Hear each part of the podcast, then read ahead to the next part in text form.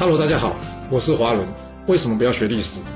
因为学历史会让你了解到顶层阶级的思考方式，成为他们的竞争者，所以他不希望你去学。还有学历史会让你看到许多前人成功及失败的案例，你的竞争对手想要好好的睡个觉，所以他也不希望你去学。最重要的是，学历史会让你了解人性，你的老板以及同事都希望你保持天真的心，所以他们更不希望你去学。就是因为这些原因，接下来我要跟你说的是故事，而不是历史。今天主题是啊，以终为始，发动攻击前要做好准备。孙子兵法实践一，我们刚刚在春秋第九十三集的故事中有讲到，这春秋末期著名的这吴楚大战啊，在孙子兵法著作的，也就是孙武啊，带领吴国三万大军前往救援蔡国之下，正式拉开序幕啊。先岔题一下，我真的很推荐大家去看看这本《孙子兵法》，因为若是你真的认真读过这本书啊，在经过时间以及经历的验证之后，你会发现啊，书中所讲的事情啊，许多都有它的道理啊。而孙武本人呢，也的确亲自示范给大家看过，他的兵法确实是可以用于实战的。不然在当时，孙武要如何一个小小吴国三万之师去讨伐兵力高达二十万的楚国大军呢？在今天故事中，你就可以看得到《孙子兵法》的厉害之处了。一开始，孙武建议吴王可以出兵，正是因为怎么样？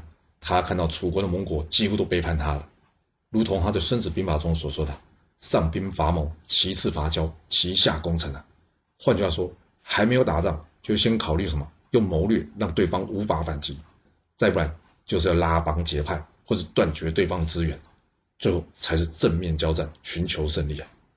这吴国不就是在楚国没有盟友，而吴国在取得两个盟友的协助下才决定出兵的，不是吗？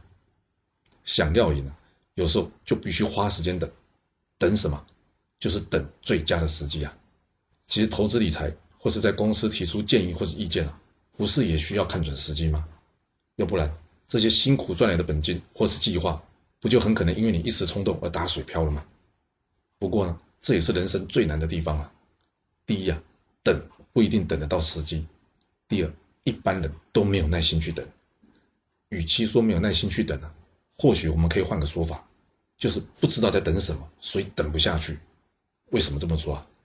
这是因为我们的教育呢，没有让我们有机会学会什么以终为始的习惯，以至于呢，大多数人都没有目标，或者怎样设定错了目标。那既然没有目标呢，或者说设定错了目标，当然就不会知道最后的目标，也就是目的地在哪。既然没有目的地，那如何规划？而没有规划，自然就是遇事办事难以有等待的概念了。你不相信啊？那你可以问问你自己，或是正在求学或者上班的人，他的最终目的是什么？是考上心中理想的高中或大学，还是他将来想要做什么工作？要知道，学习除了是兴趣以及自我提升之外，最重要的就是让你学习到将来在社会上求生的技能。考上理想的高中或是大学。可能只是当中阶段性的一个目标，但这些呢，都是为了让你将来能在社会上求生。那你一开始有想过你的专长、兴趣以及将来想做什么吗？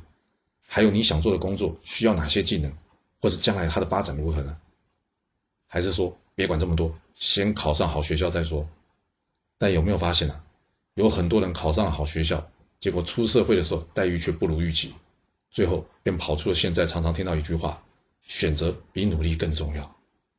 另外就是每天拼死拼活讨好老板，努力工作。你的目标是什么？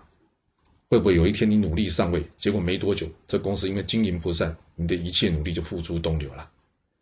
这主管的位置难道跟好学校不是一样的吗？其实都只是你达成目的的过渡目标，不是吗？这点大家可以有空的时候呢，再沉淀思考一下。那我们接着说了，除了以终为始非常重要之外啊，今天的故事中啊。孙武还另外实地展示了他的兵法可贵之处啊，比方说，还有吴国放弃水军改用陆军，这就是出奇制胜的概念啊。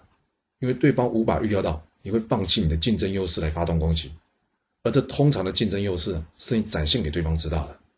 再来了，吴军一旦放弃船只进入楚国千里，岂不正好应了《孙子兵法》中所说的“陷之死地而后生”呢？也就是一般说什么“置之死地而后生”呢？至于吴军快速攻下楚国的三关，来到汉水东岸，不是也正符合他兵法中所说的吗？说什么？就是行千里而不劳者，行于无人之地也。又或是什么？攻而必取者，攻其所不守也。这两句话什么意思啊？行千里而不劳者，行于无人之地也的意思就是什么？带着军队啊，跑了上千里，军队不会觉得很累或很辛苦，这是因为这一路上都没有敌人啊。而攻而必取者，攻其所不守也。这句话什么意思？就是一旦发动进攻，就一定攻得下来。为什么？因为对方完全没有防守啊！你看孙武过三关的时候，是不是就是这个状况呢？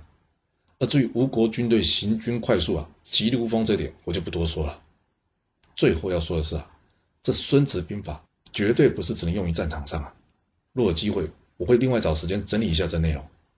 就像我之前说过的，我很喜欢两本书，一本是《孙子兵法》，一本是《鬼谷子》，因为我认为啊，这两本书就像是在教人下棋的教科书啊。而历史呢，就是前人的棋谱，生活就是实战。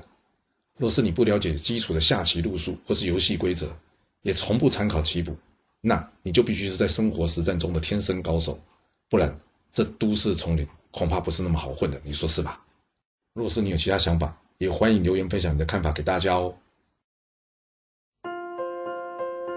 好啦，我们今天先说到这。如果你就是不听我的劝，想知道完整版的故事内容，你可以从说明栏找到我爱故事频道的连结。